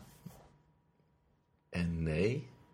Ik denk, ja, Er zit inderdaad. iets in Het- horen van eh Ja, iemands het is- stem. Ja, ik denk dat. eh, ja, misschien is het ook wel een stukje effort. En dan zou je misschien ook wel kunnen zeggen dat een, een voicebericht voice- makkelijker is dan zeggen, ja, zeggen, En dat is ook wel eens mijn argumentatie hoor. Dat ik zeg, yo, ehm, ja, ik dacht ik stuur je even een voiceberichtje, want ik ben nu op de fiets. En eh, ja, dat wordt typen lastig, want eh, straks dan lig ik onder een vrachtwagen en dan heb jij dat op je geweten. nee, maar ja, is het dan die effort? Is het dan gewoon die persoonlijke touch? Ik denk dat dat misschien meer is. En eh, misschien kun je er ook gewoon plezier in hebben, dat is het ook niet erg. Precies. Ja. Doe wat werkt voor jou, zeggen ze dan altijd. Exact. Ik, eh, het laatste dingetje wat, wat ik doe, en ik ben benieuwd of jij daar ook, ehm, of dat voor jou ook werkt. Ik plan iedere dag iets leuks om te doen. Omdat als ik iets, ik, eerst dan keek ik helemaal geen films meer. Ik vind het helemaal te gek om films te kijken. Ik dacht, ja, dan ga ik gewoon een boek lezen of ga ik wat anders doen. Ja, dat is leuk, maar op een gegeven moment nogmaals, het is ook belangrijk om af en toe rust te nemen. Dus ik kijk of- ik ga sporten omdat ik dat helemaal te gek vind. Of ik spreek met iemand af. Maar iedere dag iets leuks doen om te zorgen dat je ook gewoon nou ja, plezier blijft houden. Precies. Ik en denk- zeker voor, voor alfa-typjes die altijd maar een gast erop doen, is dat wel ehm, belangrijk, denk ik. Ja, Heb je dat ook? Ja, nee, zeker. Oké. Ik ben daarin best wel eh, bewust, deel ik mijn dag in. Ehm, eh, plan ik dan per se iets leuks? Nee, ik kijk eigenlijk meer van, oké, wat zijn de dingen die ik ook echt eventjes wil voltooien vandaag?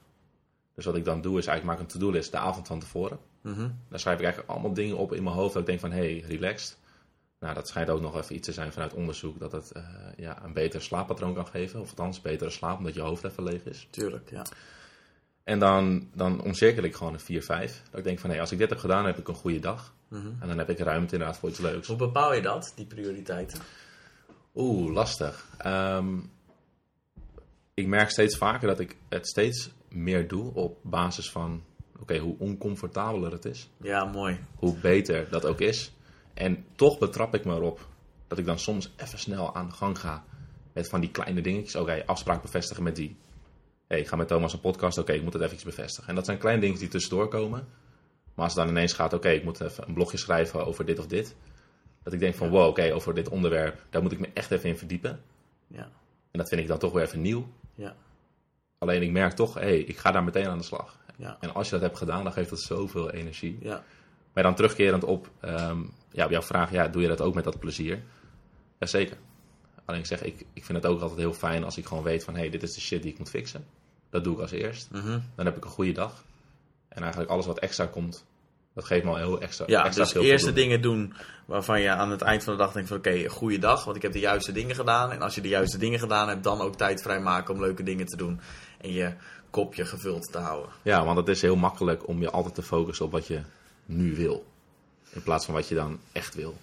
Het is heel makkelijk om te zeggen van ja, je wil heel vaak nu. Dan wil je even op je mobiel kijken om dingen te checken. Ja, maar wat wil je nou echt? Ja, jij wil misschien wel gewoon een intense baas worden in het begeleiden van mensen. Dus dan is het ook belangrijk om je daar wel... Ja, überhaupt wil ik graag een intense baan. Ja, precies. Maar goed, de vraag is, ben je dat niet? Nee, nee. Ja, ja.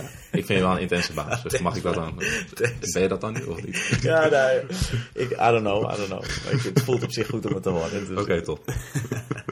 Maar dat is wel, dit is ook nog wel iets dat ik ook opgeschreven, is dat voordat ik eh nou ja, eventjes thuis zat en niks kon, was het altijd als ik dit, noemen ze volgens mij de American Nightmare, als ik dit, Dan. dan ben ik gelukt. Dus als X, dan Y. Terwijl dat is een race, dat is een spelletje dat je nooit gaat winnen. Want als je dan het bereikt hebt, dan is er weer ehm, er is ook onderzoek naar gedaan dat de drie jaar later is de norm van drie jaar eerder, zeg maar. Dus nu heb je zoiets van, nou, als ik dit en dit heb, en over drie jaar later is dat de norm. Ja, ja, En dan heb je dat bereikt en dan is het weer de volgende. En zo blijf je maar Ja. hoppen. En als, dus dan is het altijd, je wil altijd weer wat anders. En dat is een strijd die je nooit gaat winnen. Dus oké, als, als je dat weet, dat je steeds maar weer verder wil. Dus als je iets bereikt hebt, dat je dan denkt van oké, wat is er nog meer? Waarom dan niet gewoon ook nu al tevreden zijn en gewoon blij zijn of tevreden zijn dat je bezig bent. Dat je de dingen probeert te doen om het überhaupt te bereiken. En daar dan, ja, maar dat, fucking moeilijk, maar Ja, dat is super moeilijk, want ergens heb je inderdaad... Kijk, je zegt in het begin van het gesprek al, je bent ambitieus. Ehm, nou, mij ben je een hele slimme kerel. Dus dan heb je ook zoiets van, hé, hey, ik kan wel iets, dus ik wil er iets moois van maken. ja. En dan blijf je inderdaad maar doorgaan. En ik merk wel dat ik die structuur met die dagen van... hé, hey, weet je wel, ik noteer even dingen die ik moet doen. Ik cirkel de vijf. Hé, dan kan ik wel tevreden zijn met die dag. En echt niet altijd. Dat ik echt wel ook wel eens denk van... hé, hey, shit, ik wil nog meer doen. Ik moet dit nog doen, ik moet dat nog doen. Maar het is gewoon zo belangrijk om ook te beseffen van... hé, hey, je hebt ook gewoon lekker die tijd voor jezelf nodig en die ontspanning. Want op de lange termijn gaat dat je zoveel Ja. meer brengen. Ja. Ja. Maar als X dan, dat werkt echt niet. Werkt echt niet. En een ego van, oh, ik ben slim, dus ik wil dat werkt Ja, nee, nee, nee. je Maar ik, ik wil nog wel die als dan. ehm, dat heeft ook een naam, hoe heet dat? Wat zie je noemde dat net? Dat, die als dan plannen. Ja, de American Nightmare noemen ze dat. En, Ja, het Ja. is zo. Ik, ik, weet nog dat ik. ehm, dan moest ik een persoonlijk ontwikkelingsplan schrijven eh, op school. Nou, dan had je daar nooit zin in. En dan schreef ik altijd maar wat. En dan dacht ik altijd van ja, eh, ik, ik ben er klaar mee. Want toen had ik daar totaal geen zin in. En later dacht ik juist ook van, hé, hey, ja, het is ook wel mooi in gedragsverandering van, hé, hey, als je dit wil doen, dus stel je voor, hey, als ik, ehm, als ik zin heb in een zak chips, dan ga ik buiten even een rondje wandelen. Bij wijze van spreken. Dat Ja. je denkt van, hé, hey, dat zou wel een mooie techniek zijn van, hé, hey, als je dan dit wil doen, dan ga je dit doen. Ja. Zodat je in ieder geval niet die zak chips gaat eten, omdat jouw doel afval is, bij wijze van spreken. Ja. Je kan, dat weet jij ook, heus wel een zak chips eten. ja. Alleen, Ja. ja, of het dan heel erg bijdraagt aan je doel, dat is wat lastiger. ja, dit is volgens mij scenario plannen. Is dat hetzelfde? Volgens mij is dit gewoon vooruitdenken. Ja. Je weet namelijk dat je in de verleiding gaat komen Ja, en dan ja. Een, een, een alternatief voor jezelf bedenken. Dus eh, je weet dat je op een gegeven moment een film zit te kijken en dan trek krijgt. En dan weet je dat je normaal naar de, de, de kassa loopt om een zak chips. En dan van als ik eh, zin krijg in chips en naar de kassa loop, dan pak ik een glas water en dan drink ik dat op. Precies. Ja. Ja, dat is een handige techniek om, eh, om te zorgen dat je niet eh, een zak chips eet. Klopt, ja. Ik gebruik ik regelmatig. Ja. Ehm, ja, hebben we nog iets van een conclusie of zo? Of een eh, samenvatting? Nee, ik zat nog te denken dat jij ehm, ook een mooie tool voor jezelf qua ehm, hoe, ja, hoe voorkom je nou dat je dan altijd doorgaat of dat je eigenlijk altijd verder moet. Ik vind een stukje dankbaarheid dan ook altijd wel iets heel erg moois. Wilde En, ik. ehm, ehm, oh, daar wilde je nog. beginnen. Oh, ja, oh, zeker. oh, maar oh, laten oh. we het gelijk eh, onderwerp aansnijden. Want gisteren zag ik inderdaad een post over dankbaarheid. En ik denk dat het zo. Maar het is, het is zo zweverig en zo. Precies, en ik vind dat. ehm, ik, En ik heb ook het idee dat nuchtere Nederlanders daar een beetje aversie tegen hebben. Zeker, tegen en, en ik had daar eerst ook altijd een oordeel over. En volgens mij staat het ook in mijn blog. Dat ik gewoon zei, ja, dan zag ik mensen die waren dankbaar. En dan dacht ik ook altijd van, aan, weet je wel. Alleen, ja, nu kan ik het gewoon echt wel iets zien als iets ontzettend moois. En dat komt ook gewoon omdat je, je moet het gewoon eens gaan doen. Je moet gewoon eens echt een keertje echt gewoon gaan voelen van, hé, hey, hier ben ik echt onwijs dankbaar voor. Ja. En dat heeft gewoon zo'n effect op die- met die positieve emoties en voor je geluksgevoel. Dat je echt denkt van wow, weet je wel, inderdaad. Ik heb al best wel veel. Vooral in deze tijd van, weet je wel, je wil meer en je wil meer. En, en, en de omgeving ook, en je wil meer. En we zijn bezig met dit en we zijn bezig met dat. Ja, maar kijk ook eens wat je hebt. En, en wees daar echt heel erg dankbaar voor. ja. En dat is volgens mij een winnend recept. Blij zijn met wat je wel hebt in plaats van willen wat je niet hebt. Precies. Want dan win je namelijk altijd. Als je gewoon tevreden bent met wat je op dit moment hebt. Niet dat je dan Nee. alleen maar thuis op de bank zit en alleen niks doet. Nee, niks. natuurlijk gewoon gas geven. maar ehm, wel, je wint namelijk als je iedere dag denkt van ja, ik ben gewoon blij met wat ik wel heb. Namelijk dat ik kan lopen en adem heb. En eh, in Nederland wonen en een dak. En het lijken zulke... Weet je, want dat maakt het ook zo zwevig. Ja, moet je dan blij zijn dat je een kopje koffie mag drinken. Ja, als je dat Ja. echt kan zijn. Ik zal niet iedere dag werken, maar ja, met alles. Het is gewoon een vaardigheid. En als je dat vaker Ja, doet, vaak gewoon- doet, dan word je er, ja, dan word je er gewoon beter Ja. in. Zoals dat alles wel trainbaar is. Maar helpt het om het uit te spreken ook naar anderen toe? Omdat het Ehm. dat geeft ook nog eens, is ook nog eens iets heel egoïstisch, omdat het de anderen een goed gevoel geeft Ja. om het te doen.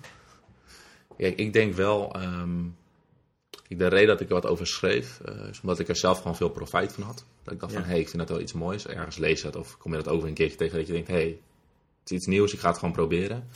Ehm, ik was toen ook gewoon eventjes gaan kijken van, hé, hey, wat wordt er nog meer over gezegd? Nou, dan ga je, wat is dan een beetje waar je gaat kijken? Nou, een beetje in de wetenschap, een beetje naar onderzoeken. En ja, daarin komt ook gewoon duidelijk naar voren van, hey, Zoveel er, onderzoek. er- er komt zo duidelijk naar voren van, hé, hey, als je het gewoon wekelijks doet, Ja. dat, Ja. dat dat gewoon echt een bijdrage levert aan je geluksgevoel. En Ja. volgens mij is er één ding wat we altijd allemaal wel gemeen hebben, is dat we gewoon gelukkig willen zijn. Dat is toch de, De- de- maatstaf, of niet? Dat is, ja, dat Ja. is ook wel ja, de maatstaf denk ik voor succes. de ja, enige wat is- maatstaf, toch? ja, je, moet gewoon, je wil gewoon gelukkig zijn. En of je dat doet met veel geld, weinig geld, ja, met veel of weinig vrienden. Ja. weet je, dat is jouw eigen perceptie, jouw eigen, jouw eigen betekenis. Ja, ja en ik, ik vind het heel erg zweverig. Alleen, ik, had het daar ook met Joy over. Ik heb een boek gelezen, Tim Ferriss, The Tools of Titans. Die heeft een podcast ook en die heeft echt honderden, echt de top van de top geïnterviewd. Dus Arnold Schwarzenegger, Jamie Foxx, eh, Tony, echt de grote der aarde. Allemaal zeggen ze dankbaarheid, dankbaarheid, dankbaarheid. Ja, als al die gasten het zeggen, ja, moet ik dan naar hun luisteren of naar... Nou ja, me- mensen maar- die dat te zweverig vinden en die er niks Ja, van- dat is nou, lastig. Kijk, het is dan dat jij wel daar op een bepaalde manier tegenaan kijkt. Zeg maar, die mensen die vind jij dus wel inspirerend. Of je denkt wel van, hé, hey, dat Ja, zijn dan wel neem ik mensen... ze gewoon sneller wat, dan wil ik Precies. Ja, En waar zit dat dan in? Hè? Ja, is dat dat stukje identificatie, stukje autoriteit, een stukje... Dat vind, dat vind ik altijd wel bijzonder, want ik heb het zelf hoor. Als ik ehm, misschien van wat zweverige mensen... Ja, wat zijn dat? Wat zijn zweverige mensen?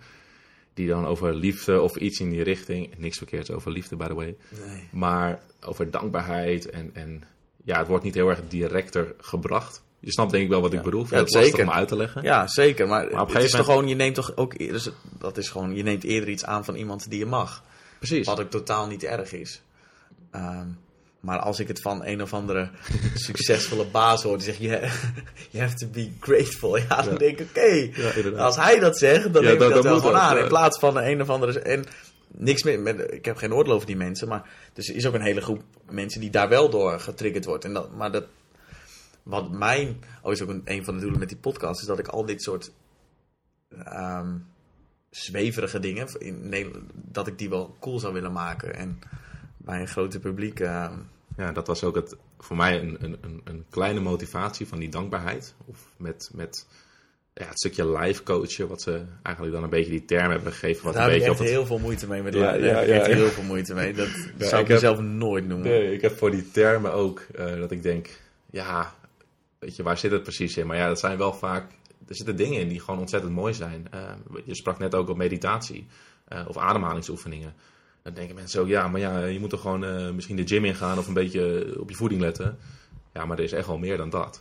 Weet je, om, om, om, om je gewoon als persoon te ontwikkelen. En daar horen die dingen bij. Dus vind ik het ook mooi als ja, dan, dan, dan, dan kijken ze op mijn Instagram profiel en dan zien ze misschien eerst een gast en die staat zonder shirt in een gym met een fotoshoot die over dankbaarheid zit te lullen. En dan denk ik van ja, dat zou ik tof vinden als ik daar weer een bepaald ja, soort Ja. mensen mee kan bereiken. Ja. Ken jij Ty Lopez? Nee. Oh, dat, is, eh, eh, dat is een Amerikaanse zelfontwikkelingsgast.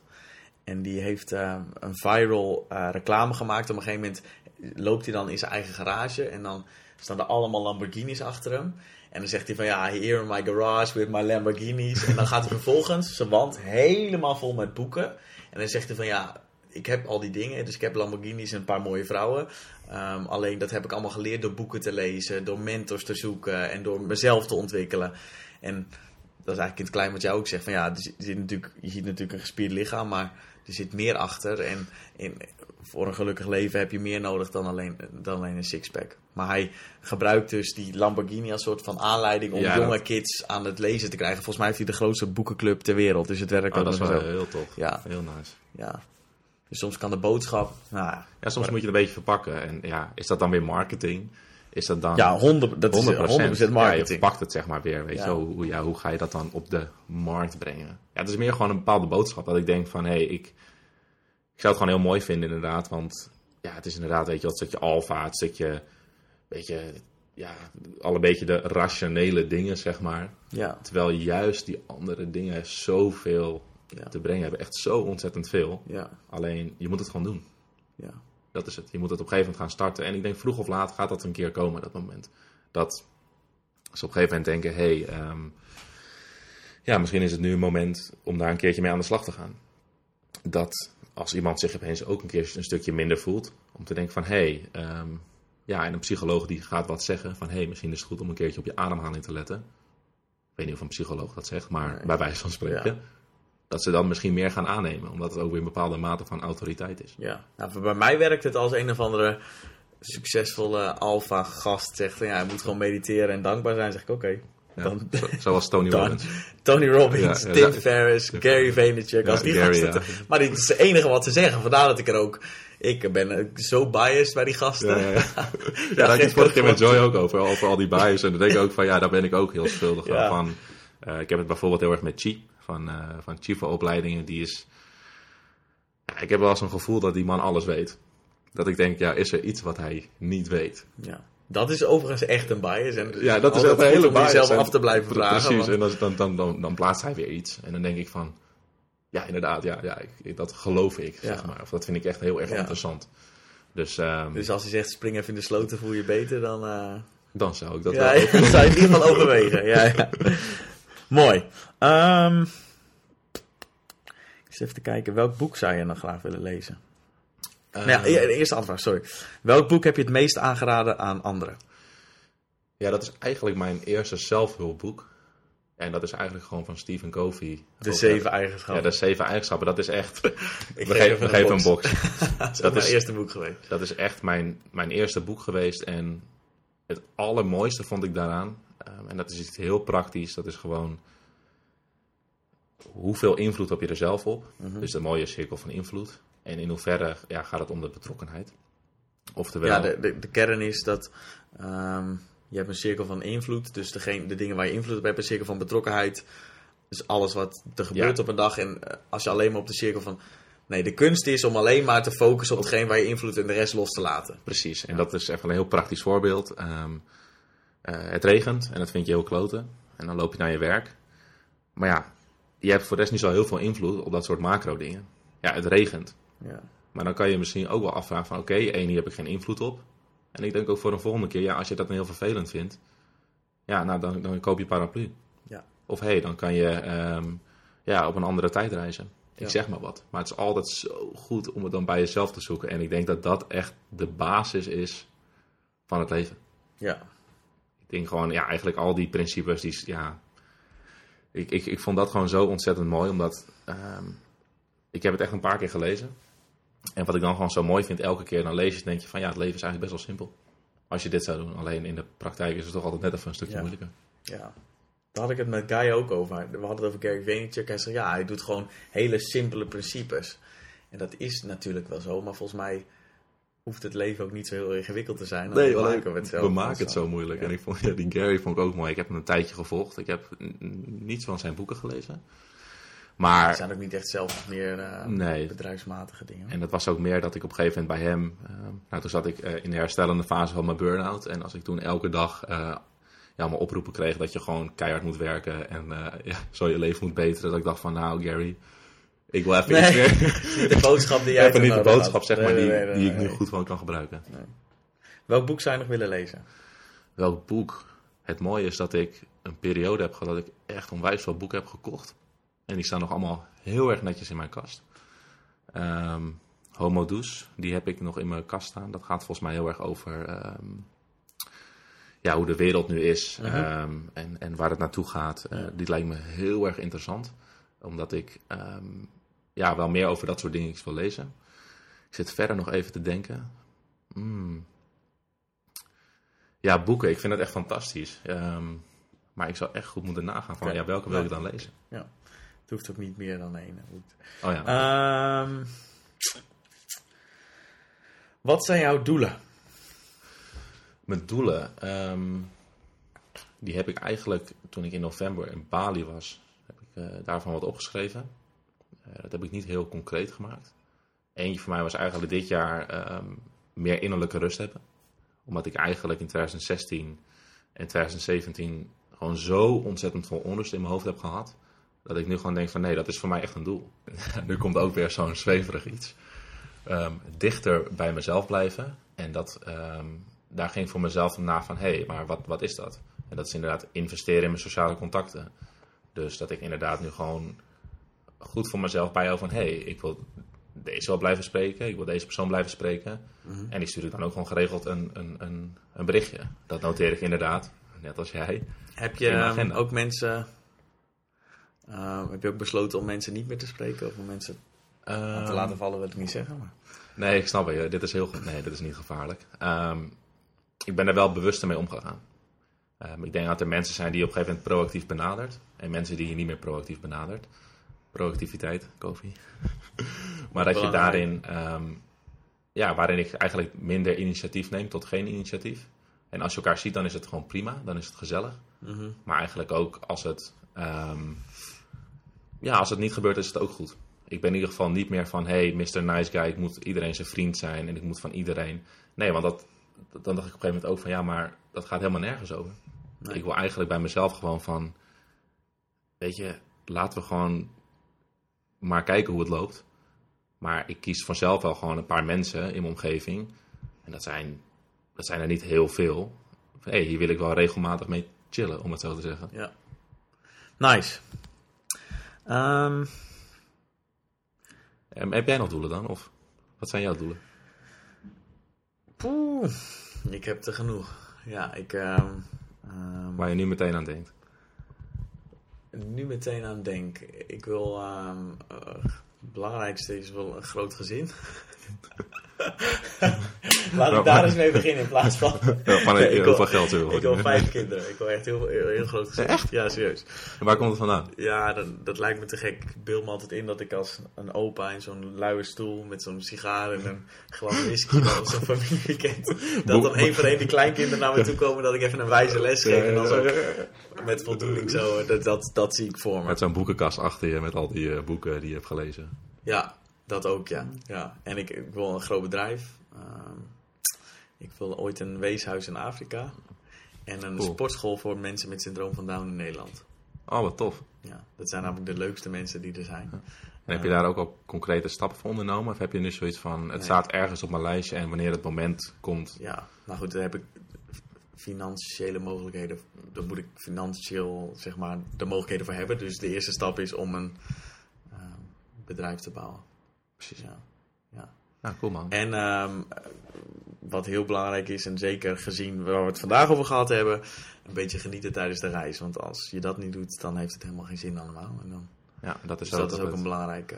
Ja, je kan een beetje doelgericht wel eens werken. Omdat ik denk dat het ook zeker goed is om doelen te stellen. En daar um, ja, op een gegeven moment naar te werken. Maar ook, ook zeker procesmatig. En daarmee bedoel ik dat je inderdaad gewoon geniet van het proces en dat dat ook goed is. Ja. Dat je inderdaad, dat hoor je vaak van hé, hey, um, dan heb je iets gedaan en dan heb je het opgeleverd. En eigenlijk wat dan niet eens mooier is, is, is niet het product wat je hebt opgeleverd, maar eigenlijk de hele reis ernaartoe. Ja. Alleen dat je vaak exact. ook niet, niet vergeet, en vaak vergeet je dan te genieten eigenlijk van die ja. reis. Dat is zo zonde. En ik zeg al van ja, ik wil een groot bedrijf, ik wil vooral, de persoon worden die dat kan. Ik ben vooral geïnteresseerd in de persoon die ik word, die, die dat bereikt, zeg maar. Um, ja, dus dat is ook weer meer op het proces dan op het uiteindelijke doel. Ik ben namelijk niet echt materialistisch en geld boeit me niet zoveel. Het is alleen wel ja, ja, maar cool om dat te bereiken. Ik wil gewoon aan mezelf bewijzen dat ik nou, iets bijzonders kan doen met mijn leven. Ja, maar het is ook natuurlijk dat geld in Nederland ook wel belangrijk is om, om, om bepaalde dingen te doen. Ik denk als ik kijk, um, ik was in november was ik in Indonesië. Nou, laat ik zeggen dat ik in Bali was. Ik vind het altijd een groot woord om te zeggen, ik was in Indonesië. Maar, dat is in Kuta Bali. Nee, nee, daar ben ik dan niet geweest. Okay. Wel Kuta Lombok. Okay. Dat was heel tof. Ja, heel geweest. Heel geweest. Um, maar dat, dat, dat ik daar een heel ander besef van geld heb. En eigenlijk dat je dan inderdaad ziet van wow, wij verdienen hier echt veel meer geld dan dat zij doen. Ja. En, en, en, en dat de je... vraag is wie de gelukkiger zijn. Die mensen of wij? Ja, nee, dat is een hele, dat is een hele goede vraag. Ik denk dat dat ook heel erg aan je waarde ligt. volgens mij was dat uh, volgens mij van Tim Ferriss. Dat vond ik zo'n mooi uh, verhaal. Volgens mij stond dat in de 4-Hour Workweek. Ik weet het niet meer precies. Misschien luistert nu iemand en die denkt: hé, hey, ja, dat, dat, dat, verhaal is het. Of uit een ander boek. En dat ging heel erg over volgens mij een eh, eh, succesvolle man in Amerika, einde 30 volgens mij. Had eh, heel lang gewerkt tot zijn 40ste. Nou, die was echt eh, helemaal loaded. Nou, die was miljonair en dat vond hij helemaal tof. Dus dan had hij eigenlijk tijd om te doen wat hij wilde gaan doen. Ja, ja, Nou, ja, wat ging je doen? Die ging volgens mij dan ergens heen reizen. En die kwam met zo'n local eh, in gesprek. En die local die was aan het vissen. En eh, ja, die had niet zo'n bijzonder leven, zeg maar, zoals je dat misschien zou zeggen. Ehm, dus nou, hij raakte aan de praat. En eh, ja, wat doe je dan een beetje de dag? Ja, nou ja dan ga ik een beetje vissen. Dan ga ik met mijn... Ga ik daarna de, de vangst ga ik echt opeten met mijn, met mijn gezin. En dan ga ik chillen met mijn vrienden bij een kampvuur. En ja, op een gegeven moment komen ze een beetje aan het gesprek van oké, maar wat, wil je, wat zijn jouw doelen, wat wil jij bereiken? En op een gegeven moment ook de vraag van ja, maar wat nou als jij heel veel geld zou hebben?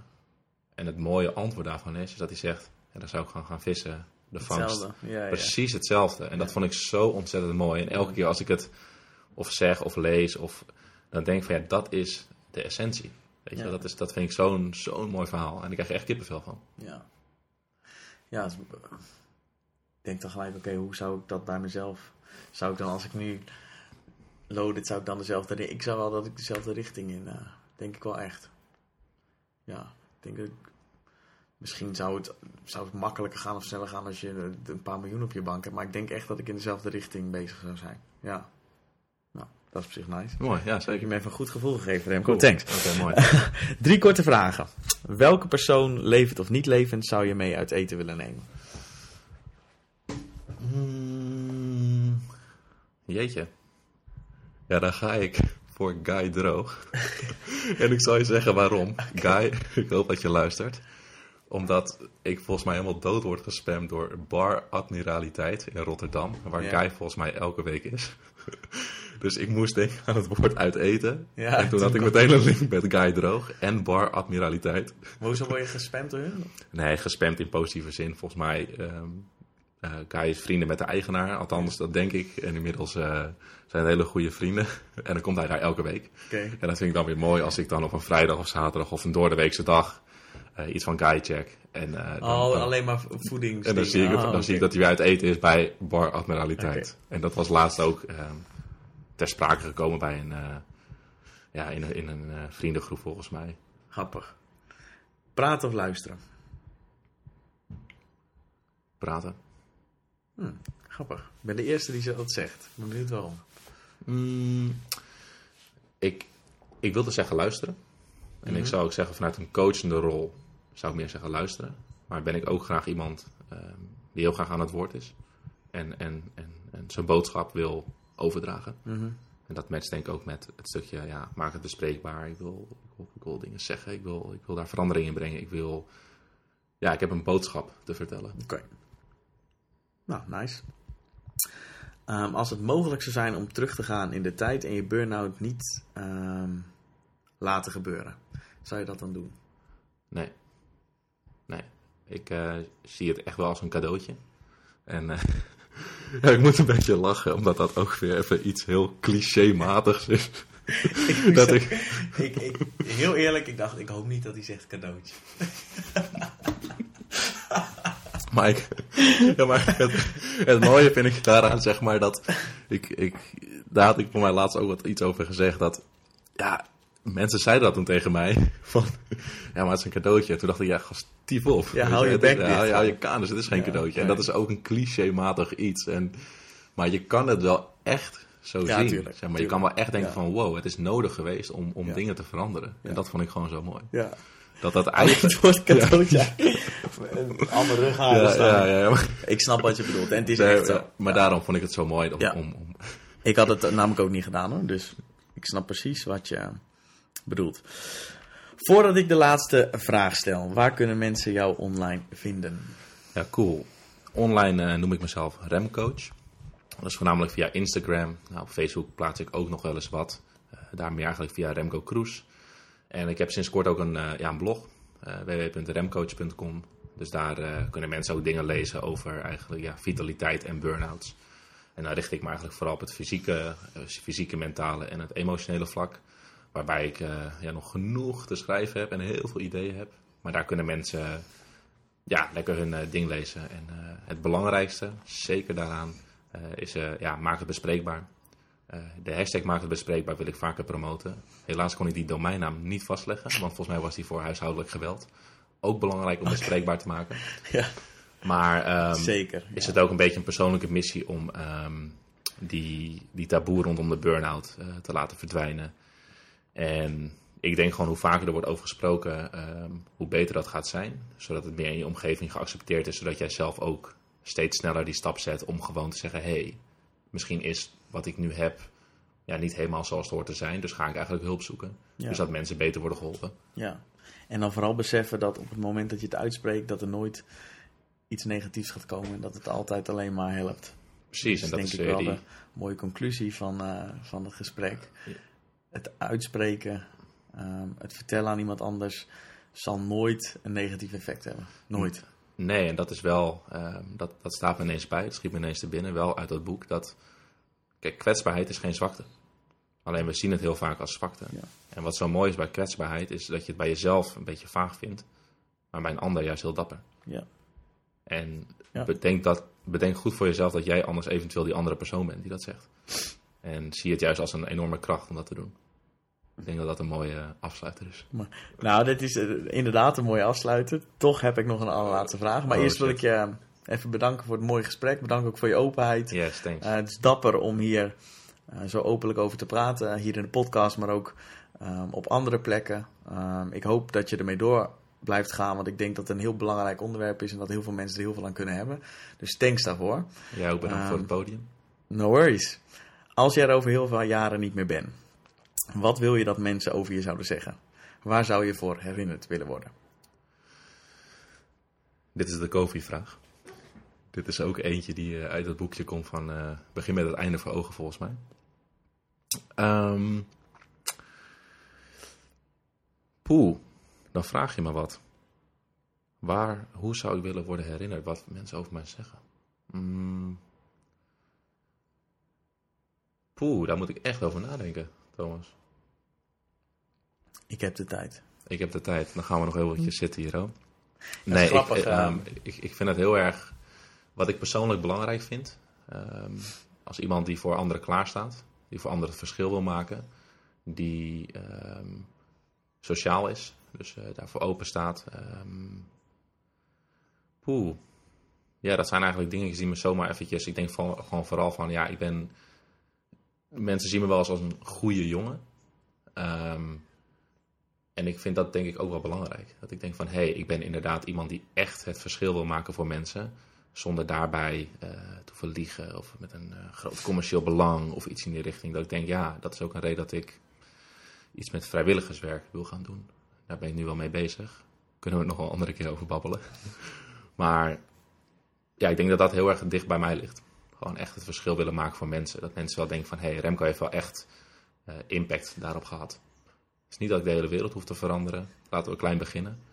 Maar ik denk ook vooral met het stukje maken bespreekbaar.